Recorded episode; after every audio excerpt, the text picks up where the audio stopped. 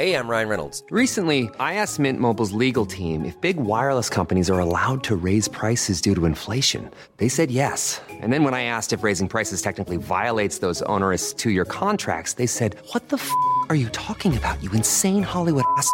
F- So to recap, we're cutting the price of Mint Unlimited from $30 a month to just $15 a month. Give it a try at mintmobile.com slash switch. $45 upfront for three months plus taxes and fees. Promo rate for new customers for limited time. Unlimited more than 40 gigabytes per month. Slows. Full terms at mintmobile.com. Vi är sponsrade av Mindler och som ni säkert vet sedan tidigare så är vi ju ute på psykologresan tillsammans. Men hur vet man egentligen när det är dags att söka hjälp? Ibland uppstår saker i livet som kommer utmana oss och kännas tufft. Det mesta självläker vi oss igenom, för vi är menade att ta oss igenom en viss mängd påfrestningar. Men ibland behöver man professionell hjälp för att ta sig ur jobbiga perioder i livet. Men vart går då gränsen? Vad är en del av livets skavighet och när är det läge att söka hjälp? Det sägs till exempel att stress är farligt, men att det också kan vara bra. Alla sover dåligt ibland, så när har man egentligen sömnproblem? Ångesten kommer väl krypande för de flesta någon gång. Så när ska man se ångesten som outhärdlig? Hur vet jag? Med oss som psykolog har vi såklart min gamla psykolog Linnea Seidbrant. Okej, Linnea, hur mycket ångest är en del av livet och när ska man liksom söka hjälp för den? Ja, men ångest är ju en känsla som vi alla får då och då. Men när ångesten är så pass återkommande och intensiv att den påverkar ditt fungerande och orsakar ett stort lidande, då tycker jag att det är dags att söka hjälp. Sök hellre för tidigt om du är osäker. Då kan vi oftast med en ganska enkel insats förebygga svårare ohälsa. Och det är bra att tänka på att du förväntas ju inte kunna diagnostisera dig själv med någon fysisk ohälsa. Och det behöver du inte heller kunna göra när det kommer till din psykiska ohälsa. Vi kommer att hjälpa dig att avgöra. Gud vad det där är, alltså Det är det, tror jag är haken för så många, inklusive mig själv, att jag ska redan veta vad mitt problem Jag ska är ha innan jag kommer till... in. Ja. Ah. Jag ska komma till psykologen och säga hej, jag har liksom eh, PTSD och trauma och eh, kanske eventuellt ADHD och eh, är nedstämd och kanske en depression. Alltså, jag vet. Precis, och vi, jag menar, vi har ju pluggat i fem år, vi psykologer, just för att kunna göra bra och grundliga bedömningar. Ja. Så lämna det till oss. Ja, gud vad, alltså varför? Ja, det är jätteintressant. Ja, verkligen. Ladda ner Mindler till din telefon och läs mer på mindler.se.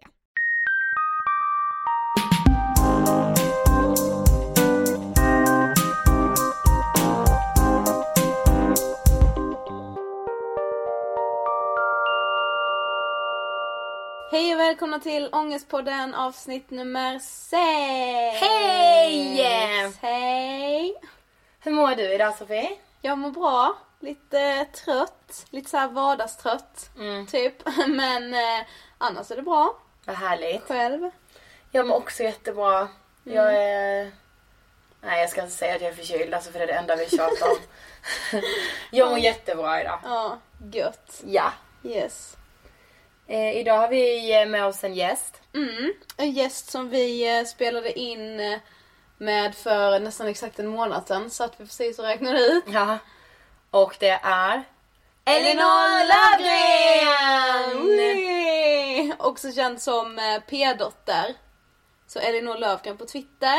Och eh, tidningen solo.se snedstreck p-dotter där hon bloggar. Vi är kollegor nu ju. Ja. Eh, hon driver ju podden Måndagspepp tillsammans med eh, Hanna Licious. Ja. Säger man så? Ja. Eh, så den tycker vi också ni ska kika in. Släpps på måndagar om ingen förstod det. Så Måndagspepp på måndagar och Ångestpodden på torsdagar. Ja. Eh, vad vet du om Elinor? Ehm, alltså jag hittade hennes Twitter. Eh, för inte så länge sedan ändå. Eh, för att det var någon som hade skrivit bara shit vad stor hon har blivit så här. Då hon hon, hon så retweetades in i mitt flöde hela tiden. Så jag bara men vem är hon? Ja. Ehm, och så började jag läsa där och kände bara alltså shit vilken cool tjej. eller alltså som verkligen står upp för sina åsikter och för sig själv.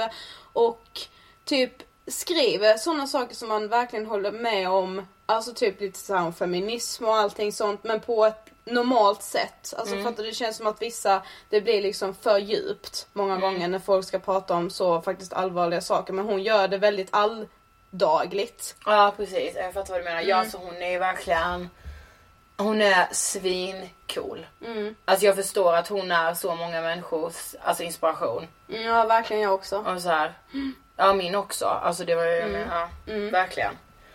Ehm, så vi är otroligt stolta att hon eh, har gästat Ångestpodden. Ja.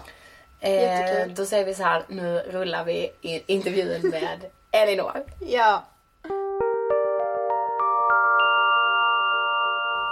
Välkommen Elinor Lövgren, mer känd som P-dotter. Från Twitter ja. Ja. Ja. ja, och bloggen också. ja. För de som inte vet, vem är du?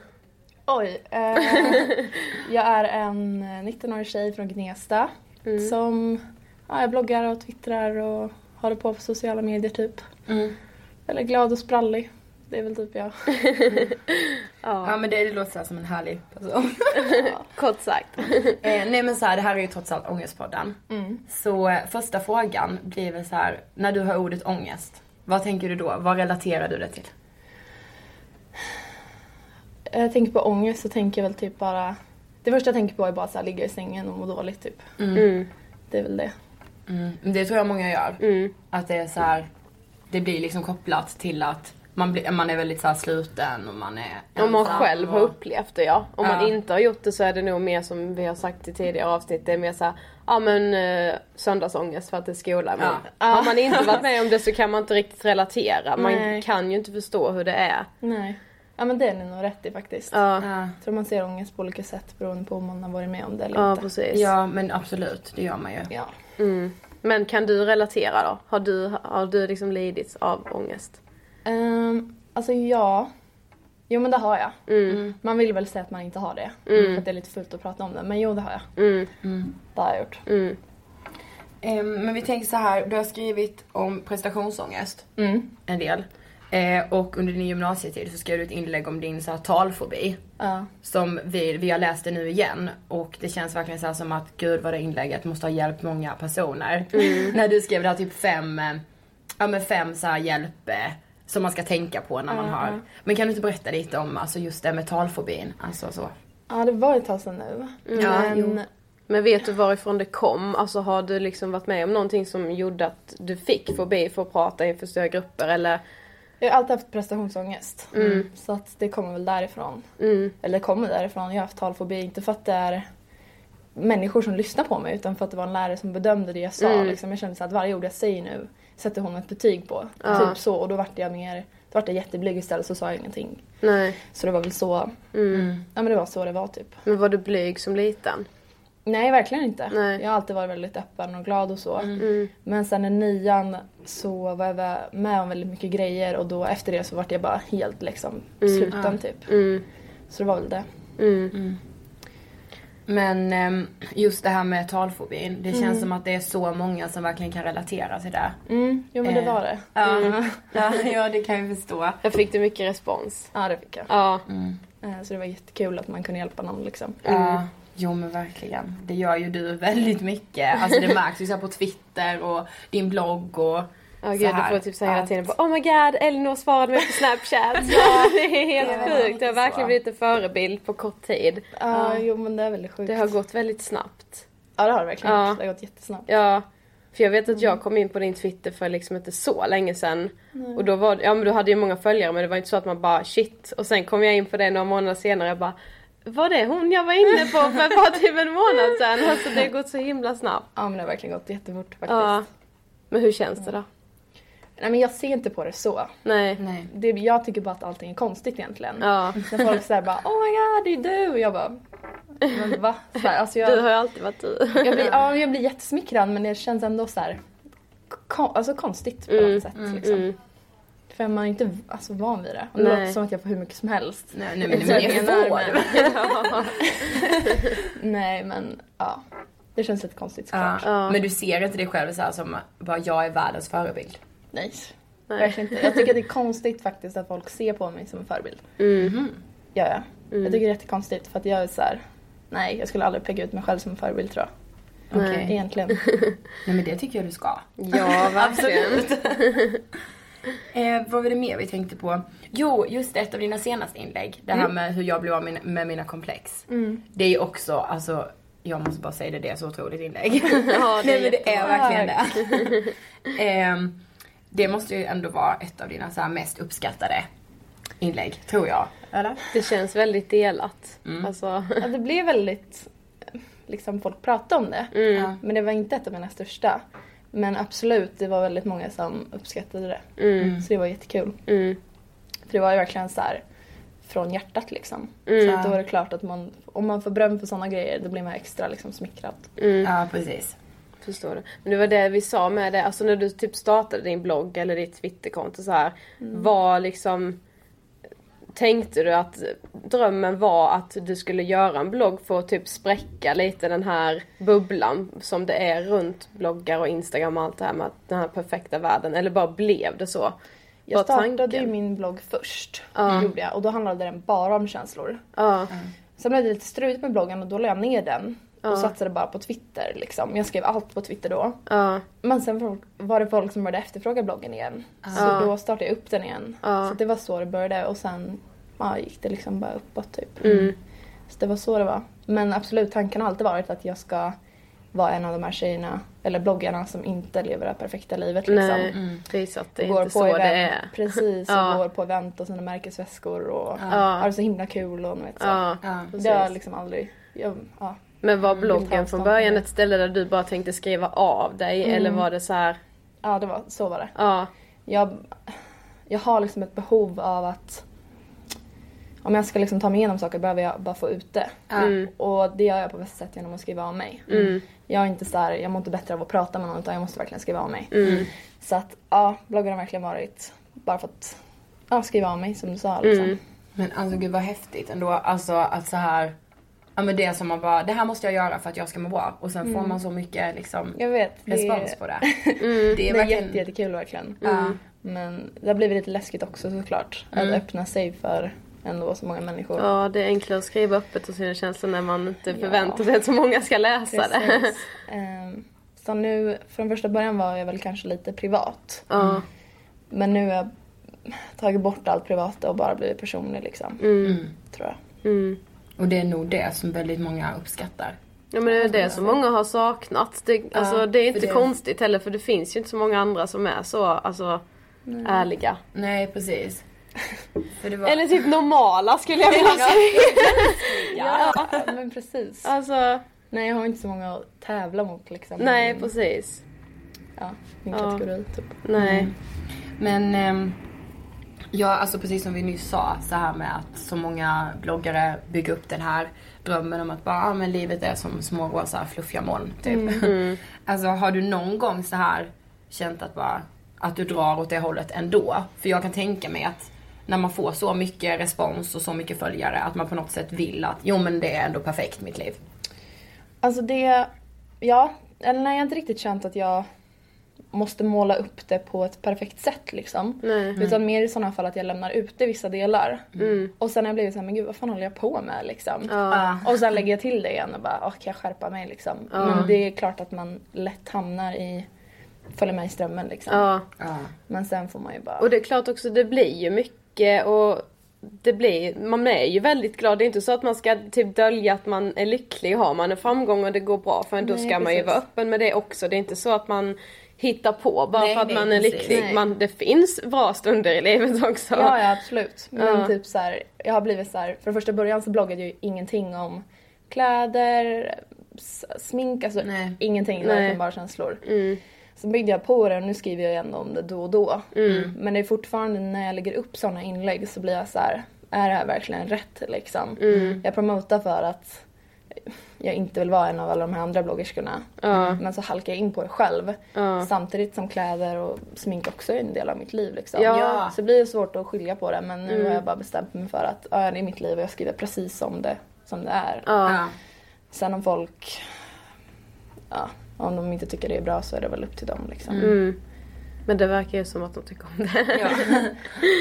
Men eh, alltså det här du skrev liksom i ditt inlägg om det här med komplexen. Mm. Att idag har jag insett att det inte är mitt fel att jag har komplex. Mm. Hur inser man det? Ja. Grejen är alla komplex man har har man ju, om jag är missnöjd med någonting. Till exempel att jag, att jag har en stor näsa kan vi säga. Då har jag ju komplex över det för att jag inte ser ut som idealbilden, förstår ni? Ja. Allt som skiljer sig mot idealbilden har jag komplex för. Mm. Och det är inte mitt fel. Nej. Utan det är ju samhället ser ut så. Du ska ju se ut som idealbilden. Om jag inte gör det så mår jag dåligt för det. Mm. Och bara den, alltså det är inte mitt fel liksom. Nej. Det är ju samhällets Mm. som trycker på att jag ska se ut på ett visst sätt. Ja. Och ja, när jag bara så här har insett att det är bara inte mitt fel om jag har komplex för någonting utan det är samhället. Mm. Och när jag insåg det så har det bara blivit så här, jag har inte komplex för någonting och nu med träningen, jag har alltid tränat för att ja, man ska se bättre ut och man ska få magrutor och Mm. tonade armar och allt sånt där och sen bara jag vill ju bara det för att samhället vill att jag ska se ut så. Ja. Om jag inte ser ut så, ja då tycker jag, då känner jag mig lite tjock eller då känner jag mig ofitt eller vad som helst. Mm. Så att nu när jag går till gymmet så är jag så här, vad fan gör jag här typ? Jag tränar ju.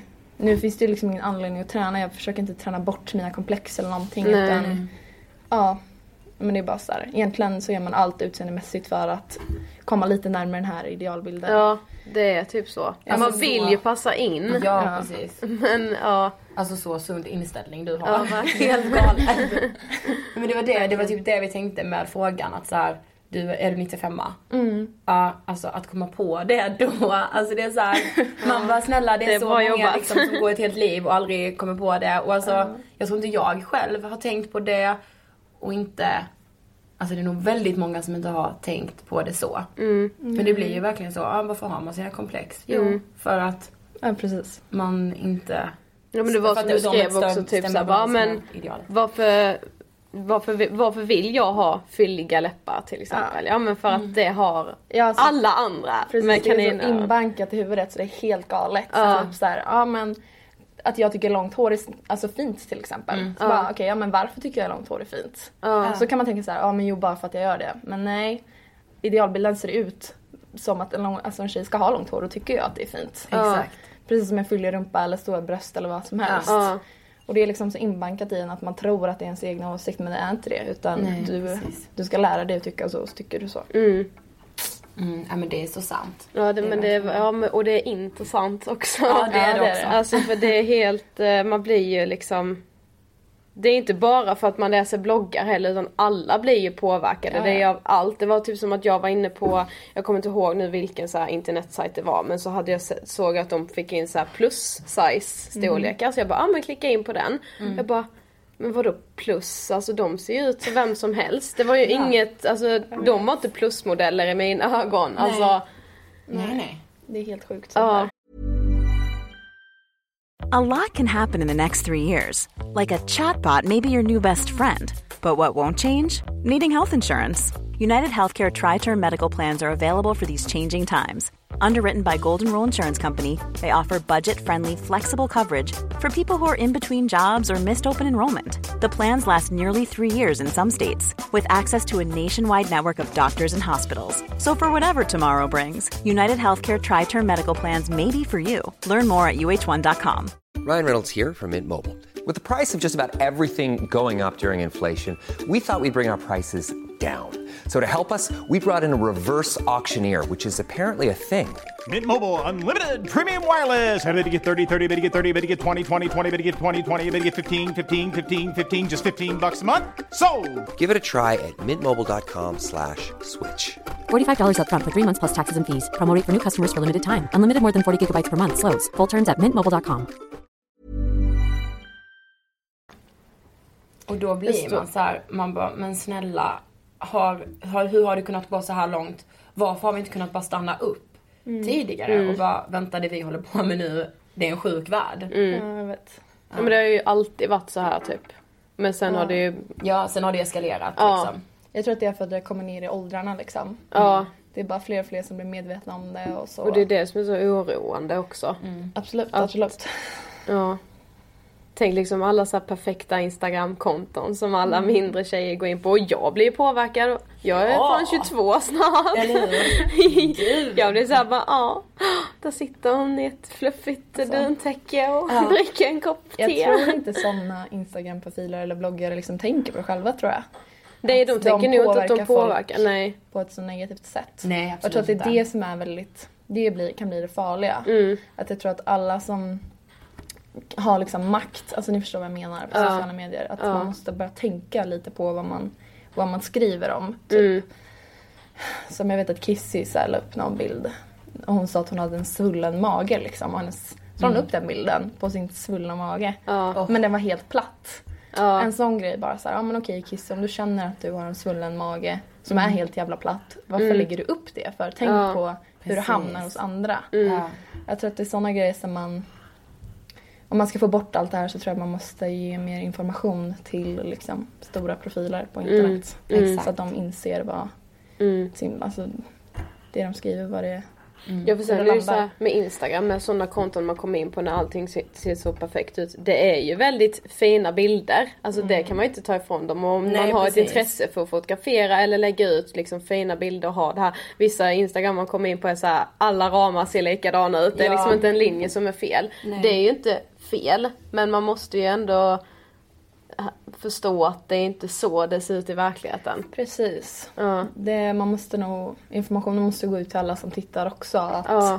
Man kan inte bara lita på det ögat ser utan det finns alltid någonting bakom. Liksom. Ja, precis. Alla personer har någon liksom, svag punkt i livet. Ja. Ja, så är det. Mm. Eh, om vi tänker lite mer på just det här med typ ångest, prestationsångest och Mm. så vidare. Eh, får du mycket mail, alltså från tjejer som säger så här, jag har så mycket prestationsångest och jag vet inte vad jag ska vända mig eller jag, liksom, Mm. jag känner igen mig så mycket i det du skriver och... Det är inte så mycket prestationsångest. Nej. Det är mest kärlek tror jag. Ja, okej. Mm. Faktiskt. Och mycket komplexare, absolut. Mm. Men inte så mycket prestationsångest skulle jag inte säga. Nej, okej. Faktiskt. Nej. Men alltså, har du mycket kontakt med dina läsare så svarade de, eh, känner du liksom att du är till en, känner du att du är till en hjälp? Eh, ja, eller... De säger att jag är ett hjälp när jag Mm. svarar. Ja. Men när jag själv liksom mår dåligt Mm. på något sätt, då är det väldigt svårt att liksom svara på alla de här meddelandena. Mm. Ehm, och verkligen så sätta mig in i det. Och, så att nu på senaste har jag faktiskt inte svarat så här jättemycket. Nej. Jag kanske svarar på var tionde eller någonting. Mm. Som jag känner på att jag kan få in ett svar snabbt. Att jag inte behöver sitta och tänka efter liksom. Nej. Så. Men ja, jag har väldigt mycket kontakt med mina läsare. Det har jag nog skulle jag säga. Mm. I alla fall om man jämför med andra bloggare. Ja. Så är det absolut. Mm. Precis. Då har jag nog Det det. är skönt. Mm. Det är skönt för dem liksom. Ja, Mm. verkligen. Det är skönt för mig också tror jag att jag tror alltid att jag liksom kommer vara en av de här som har typ fötterna på jorden. Mm. Av bloggarna liksom för att jag har ändå när jag har kontakt med alla mina läsare så inser jag att jag är precis som en av dem liksom. Mm. Jag är inte bättre än någon annan eller Nej. allt sånt. Nej, vi är ju bara, vi är människor allihopa. Ja. ja. Men gud vad skönt. Eh, men om vi tittar på så här, kan du få prestationsångest för din blogg? Alltså för, eller Twitter så här, prestera där. Mm, kan få absolut. Mm. Men... Jo men det kan jag få. Och då bloggar jag inte. Nej okej. Men sen det brukar gå över liksom på en dag eller några timmar och Mm. då skriver jag igen. Mm. Men sen på Twitter. När jag startade min Twitter då var den ju bara rolig. Alltså Ja. jag skrev ingenting seriöst utan jag bara skämtade. Mm. Och sen kom jag upp i kanske 4000 på det sättet liksom. Mm. Sen började det bli mer seriöst och nu har jag varit det i kanske ett och ett halvt år. Mm. Och jag vet att det är jättemånga som bara “Hallå vad har hänt med dig? Du är inte rolig längre, du är bara seriös, du tar bara upp allvarliga frågor typ”. Mm. Och då kan jag få lite så här, “Ah okej, ah, nu måste jag vara rolig. Hur skriver man en rolig tweet nu då?” så här, och sådana grejer. Har jag inget skämt på Ja, gång här precis. nu? ja. Men alltså nej, det är väl inte mer än så. Nej. Det är skönt. Mm, det är skönt. Mm. Men hur, eh, hur övervann du din så här prestationsångest då? Men just inför att tala inför en stor grupp. Vi, vi vet ju att du skrev i din blogg att du gjorde det till slut. Du sköt upp den här redovisningen hur länge som helst men du gjorde det till slut. Mm. Var det det som krävdes eller har det krävts mer? Oj. Just talfobin var det så här. Då har jag verkligen bara mina kompisar att tacka för liksom. Mm. Det var de som peppade mig genom allt. Jag hade inte, jag hade inte ställt mig där på scenen utan dem liksom. Nej. Och när jag gjorde det så ställde jag mig, det var inte framför hela klassen utan det var ju, jag tror att det var fyra, fem personer. Mm. Och jag hade väl typ tårar i ögonen genom hela talet. Men Mm. alltså jag har inga liksom, jag vet egentligen inte själv hur jag klarade det. Nej. Det var de som peppade mig helt enkelt typ. Och Mm. min lärare. Mm. Läraren liksom tog bort all press tror jag också. Mm. Jag fick väldigt mycket stöd från honom och han var så här, men Ja du fick ändå det för det kan jag ändå, Ja. det har ju vi också Ja, pratat om tidigare att det känns som att det är för man pratar för lite om att må dåligt och allting så med prestationer som i skolan med. Det var inte mycket, man pratade inte mycket stress under gymnasiet. Nej. Även fast det är den typ mest stressade perioden ja, Mm. jag har varit med om hittills i alla fall. ja. Men du fick ändå stöd. Kände ja, du? han var jätteförstående var han. Ja. Han såg väl på mig där jag var också. Ja. Eh, och grejen var den att alla andra i min klass, mina första två år i gymnasiet var väldigt lalliga. Ja. Och min skola var extremt lallig så jag hade aldrig hållit tal för någon. Alltså så. Nej. Och sen bytte jag i skola tredje året. Och där var det liksom så här stenseriöst. De hade haft tal sen typ första dagen i gymnasiet. Mm. De kunde väl egentligen hålla tal inför hela jävla skolan om det skulle vara så. Men hur reagerade de då när du var såhär, nej jag vill inte? De trodde väl egentligen bara att jag var blyg tror jag. Ja. Men sen när jag typ förklarade och då förstod de ju. Ja. Så det var inte med med det egentligen. Jag fick faktiskt, de var jättegulliga, den gången jag sprang ut. Jag skulle hålla tal en gång och så Ja. fick jag panik och så sprang jag ut och grät. Ja. Då sen så gick vi åt, jag och mina tjejkompisar. Och sen när jag kom tillbaka till mitt skåp då var det så här, jag tror det var tre personer som hade lämnat liksom lappar i mitt skåp och så här, de var Åh. jättefina. Fina. Och var så här, du behöver inte vara orolig, du är så himla grym och du är bäst och allt sånt. Och då var det så här, "Åh." Men det är ju ofta så det är också, man är så himla rädd för vad alla andra ska tänka. Mm. Men vi är ju alla bara människor, alla har väl mått dåligt någon gång. Sen om det inte är över en redovisning, men då har de mått dåligt i något annat fall. Det är ju så, man måste våga säga ifrån. Ja, Ja. absolut. Så det var anledningen till att jag klarade mig igenom allt var liksom bara alla runt omkring. Ja. Jag tror inte jag liksom, om de inte hade funnits hade jag verkligen aldrig liksom gått upp Nej. på allt ett tal. Nej. Hade jag inte.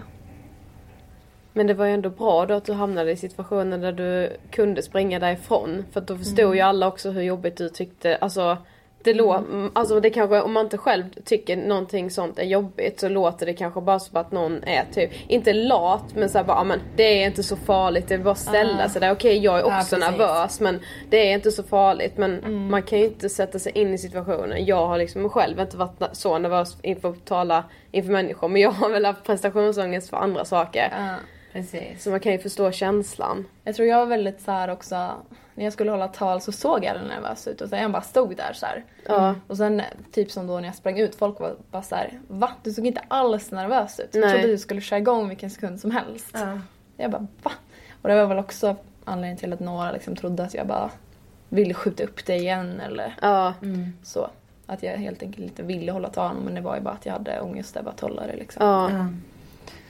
Men ofta är det ju så med alltså, ångest överlag, det syns ju inte utåt. Precis. Även om man själv kan tro det. Jag vet själv i min panikångest att jag har varit så här. Alla ser, någon, alla ser att jag har en pågående panikångestattack. Det är aldrig någon som har sett det. Om jag sen har suttit med Sofie eller med några andra kompisar på middag och jag bara Nej alltså jag fick en panikångestattack och de bara va?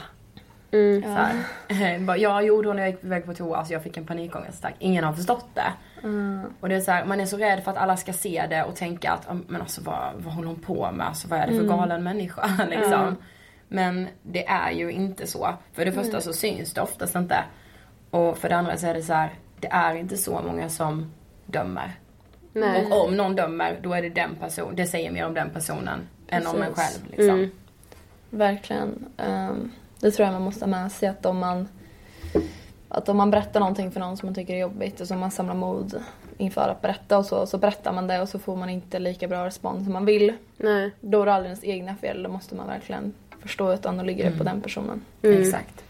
Jag tror att det är jätteviktigt att ha det med sig. Mm. Precis. Men jag tror också att det ligger kanske lite, alltså Säg att du hade då under, om vi hade haft en middag och du hade så här bara, ja ah, men jag, jag har en pågående panikångest, mm. kan du så jag springer lite fram och tillbaka på toaletten. Mm. Då hade ju inte vi heller vetat vad vi skulle göra. Jag hade ju vetat för jag vet ju Ja. att du mår dåligt. Men säg att det hade varit en middag med några som vi inte känner jätteväl. Nej, precis. Då hade väl de kanske inte heller vetat vad de skulle göra eftersom man inte har pratat om det mer än vad man redan har gjort. Alltså, Precis. De hade bara, "Ah, vad händer nu liksom? Ja, är det exakt. farligt? Ska vi ringa Ja. eh, 1177? Alltså, Ja, det är ju så, sant. ja. det är det verkligen. Samhället vet för lite. Absolut. Det är typ så det är. Absolut. Mm. Hörde ni det att de har börjat prata om i skolor? Om liksom depression och ångest och allting. De har gjort det. Nej, de ska Eller- börja göra det. Nej, jag tror att de ska börja shit, med, jag tror att de ska börja göra det med lektioner och allting faktiskt. Oj, vad bra. ha så här affischer i skolan och allting. Ja. Och forskning visar att man kan liksom halvera alla självmord bland unga om man bara tar upp ämnet och pratar Ja, om det vad man men kan det, höra av ja, sig. det tror jag Alltså jag verkligen. blev så lättad när jag hörde detta. Jag vet, jag blev också det när jag läste det. Mamma Ja. bara “Titta titta vad som står i tidningen” och så läste jag det. Jag bara “Oh my god!” så här. Ja. För att det är ju verkligen... Ja men det är såhär äntligen. Ja. Ja visst det tog tid men, bättre sent Ja. än aldrig. Ja, vet. Faktiskt. Shit vad bra. Vadå skulle, var det liksom alla skolor eller var det en skola som skulle De typ skulle testa? köra någon testperiod nu. Ja, Eh, Men sen om det går bra, vilket jag absolut Det tror att kommer det ju göra, ja. Så kommer de nog införa det på liksom överallt. ja. Åh, gud. Ja, Ja. bättre sent än aldrig. Det säger jag verkligen igen. Ja. Shit vad bra. Jo men jag kom på en fråga till vi har. Ja. Eh, din inspiration, vad inspireras du av? Är det någon person eller någon sak eller så här? Det kan vara vad som helst. Ja. Inspiration. Alltså jag får typ inte inspiration från någonting tror jag. Det Det är, sam, det är samma så här, vem har du som förebild? Jag har ingen aning, jag har typ ingen. Nej. Jag vet inte. Jag har faktiskt inget svar på den frågan okej. tyvärr. Ja, det var lite tråkigt men okej. Men, Ehm. men läs, har du någon så här, har du någon blogg som du känner att, ja men om jag känner mig lite deppig idag så kan jag gå in på hennes blogg eller hennes Twitter eller någonting. Eller typ någon film eller någonting som kan få dig på bättre humör. Eller behöver du bara, om du har en då pissdag liksom. Behöver du bara ta dig igenom den dagen och sen när du vaknar efter det. så är det borta liksom. Nej, jag har ingen, så här, ingen blogg eller ingen Twitter eller så. I så fall är det väl med musik tror jag. Att jag sätter på kanske tre Du är uppe ganska mycket på nätterna har man ju förstått. Ja, ja hela nätterna. Det är såhär när man vaknar på morgonen och kollar Twitter så är det bara tankar med Bedot, tankar med Bedot. Hela natten. Ja, så, ja, jag har inte så bra sömn. Men det är väl låtar då, Ja, tror jag. musik. Ja. Ja, ja men då fick vi ett svar i alla Ja fall. vi fick det. Ja, eh, Vi måste börja avsluta. ja. Ja. Men tack så Eh, hemskt mycket för att du ville komma hit. Ja tack alltså för- och dela tusen med dig. tack. Tack själva. Ja, Eh, och vi ses nästa vecka. det gör vi. ses, vi hörs Ja, nej det gör vi inte. vi hörs. Ha det jättebra. Hej då. Hej då! Innan vi säger eh, hej då på riktigt så måste vi verkligen tacka er som har skickat in era berättelser angående depression. Mm. Alltså ni är helt fantastiska och jag vill bara säga det, ni är fan i mig de modigaste människorna som går på den här jorden. Ja, Alltså det är så himla starkt av alla er som har mejlat era historier och ja men valt att berätta. precis. Vi är jättetacksamma. Eh, och vi kan säga redan nu att det kommer bli depressionsavsnitten. För eh, vi känner att alltså, det räcker liksom inte med ett avsnitt. Så vi kommer till att börja med att köra två stycken. Och vi kan även säga att den här veckan eh, så ska vi träffa en eh, tjej som eh, representerar en organisation som heter eh, Udda. Så det kan ni söka på redan nu och kolla upp. Eh, ja, Sofie det var allt va? Ja, det tror Ja, jag. och tack ännu en gång Elinor för att du gästade oss. Du är Ja. fantastisk. Ja, Eh, ha det bra allihopa så hörs vi nästa vecka. yes. Hej då! Hej då!